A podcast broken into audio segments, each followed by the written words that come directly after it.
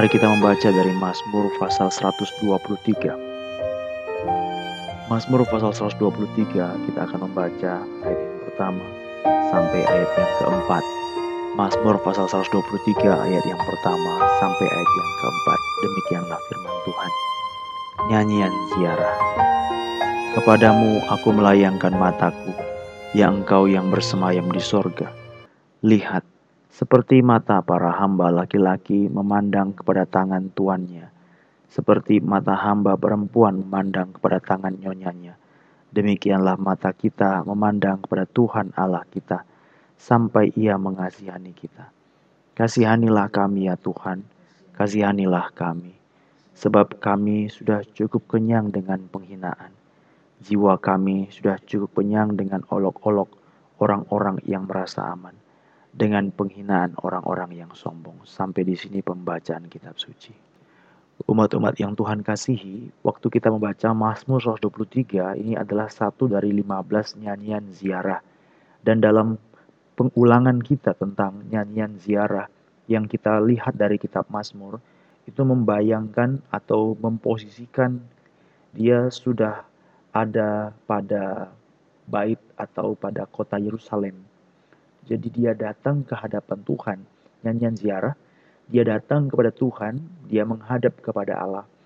Dan suatu hal yang dibuka dari kalimat dari Mazmur 123, Kepadamu aku melayangkan mataku, ya engkau yang bersemayam di sorga. Pada waktu kita membaca Mazmur ziarah, maka kita sudah katakan ini adalah perjalanan untuk menghadap kepada Allah sebagai sesuatu ibadah sesuatu keadaan yang diperintahkan dan ini merupakan bagian yang rutin yang mereka lakukan sebagaimana setiap tahun.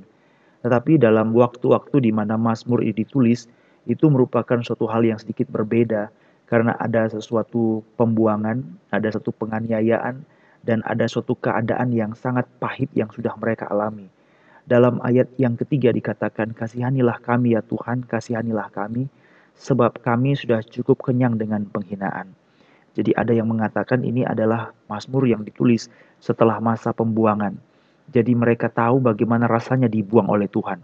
Mereka sudah mengalami bagaimana mereka tidak lagi memiliki kesempatan sama seperti tahun-tahun yang lampau atau masa-masa yang lalu di mana mereka itu dengan keadaan yang aman untuk datang beribadah. Tidak ada lagi keadaan-keadaan seperti itu.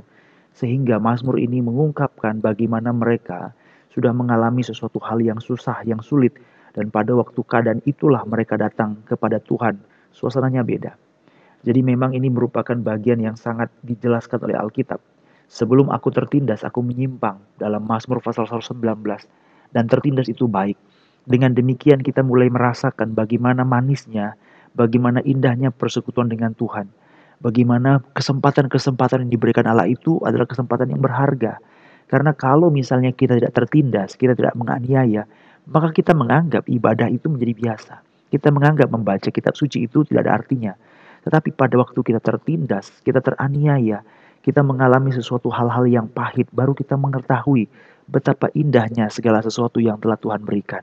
Ya sama istilahnya kalau misalnya pada waktu kita sakit, baru kita tahu sehat itu penting. Kalau waktu sehat, makan sayur yang direbus, makan makanan yang biasa, itu rasanya hambar rasanya aduh gak ada enaknya ya. Tapi begitu kita sakit baru rasanya kita mengerti bahwa makan makan cepat saji, makan makanan yang banyak bumbu, makan makanan yang mungkin menarik dilihat mata tetapi tidak baik untuk kesehatan. Wah, itu itu rasanya merupakan kesenangan tapi sebaliknya waktu sakit baru kita tahu bagaimana makanan-makanan yang original, yang otentik itu begitu menikmati. Jadi saudara dikasih Tuhan, inilah yang merupakan bagian yang ditunjukkan dalam Mazmur 123 dimulai dengan kata pertama, Kepadamu aku melayangkan mataku, ya engkau yang bersemayam di surga.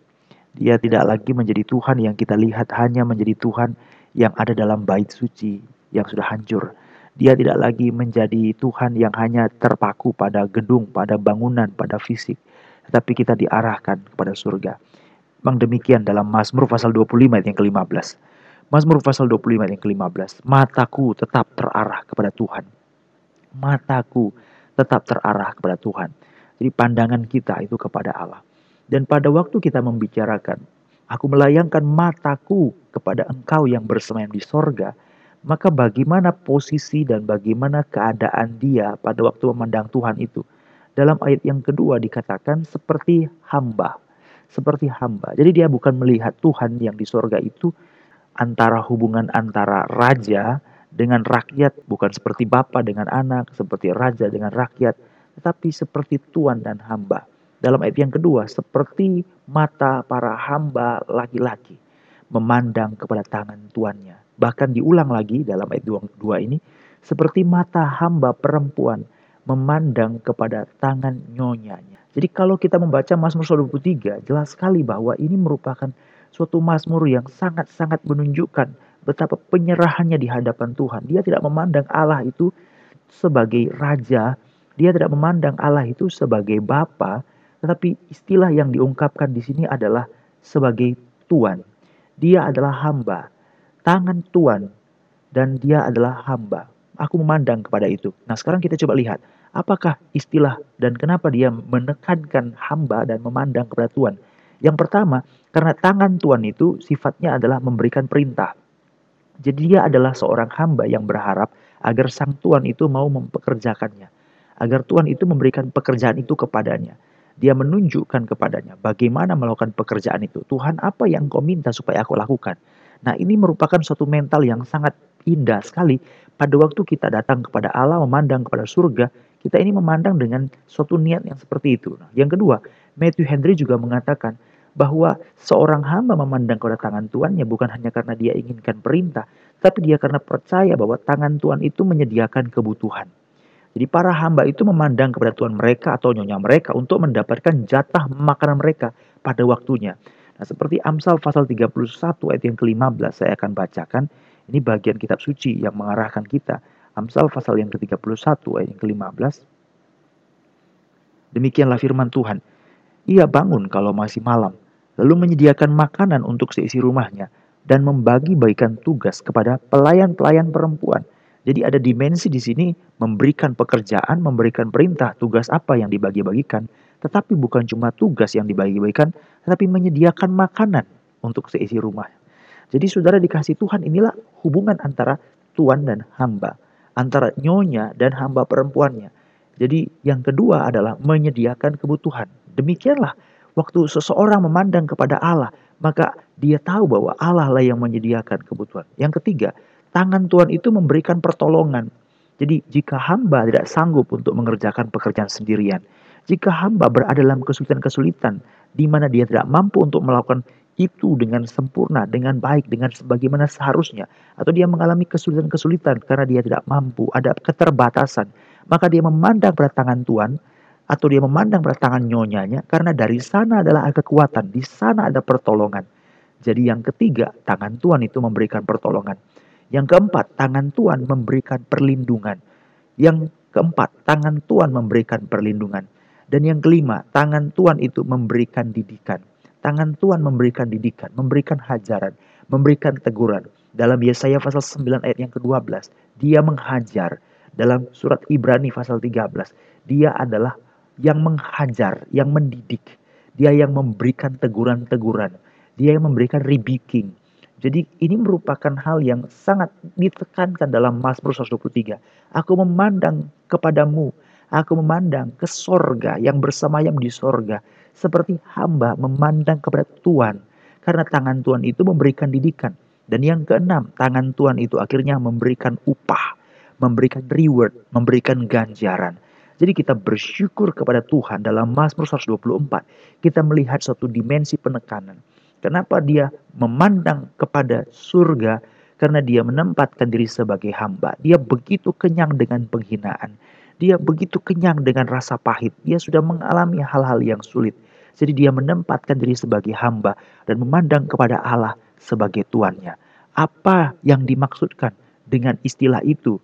Matthew Henry mengatakan yang pertama, tangan Tuhan memberikan perintah. Yang kedua, tangan Tuhan menyediakan kebutuhan. Yang ketiga, tangan Tuhan memberikan pertolongan. Yang keempat, tangan Tuhan memberikan perlindungan.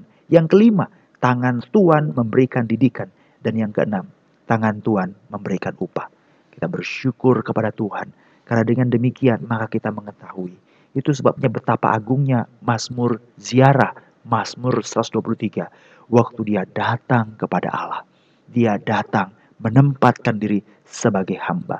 Dan dalam ayat yang kedua dikatakan, demikianlah mata kita memandang kepada Tuhan Allah kita sampai ia mengasihani kita. Jiwa kami sudah cukup kenyang ya Tuhan. Kenyang dengan olok-olok orang-orang yang merasa aman dan penghinaan orang-orang yang sombong. Tapi kami tidak melihat penghinaan itu. Kami tidak larut-larut dalam segala duka cita itu. Kami memandang kepada Tuhan. Pagi hari ini pandanglah kepada dia. Pandanglah kepada dia. Pandang kepada dia yang memberi perintah. Pandang kepada dia. Pandang kepada dia yang memberikan persediaan-persediaan. Yang memberikan didikan. Yang memberikan upah. Yang memberikan perlindungan. Sumber daripada pertolongan pandang kepada dia, bukan kepada situasi olok-olok penghinaan yang terjadi, tapi pandang kepada dia, karena dia adalah yang memberikan segala sesuatu yang bajik, yang baik, dan perlu bagi jiwa kita.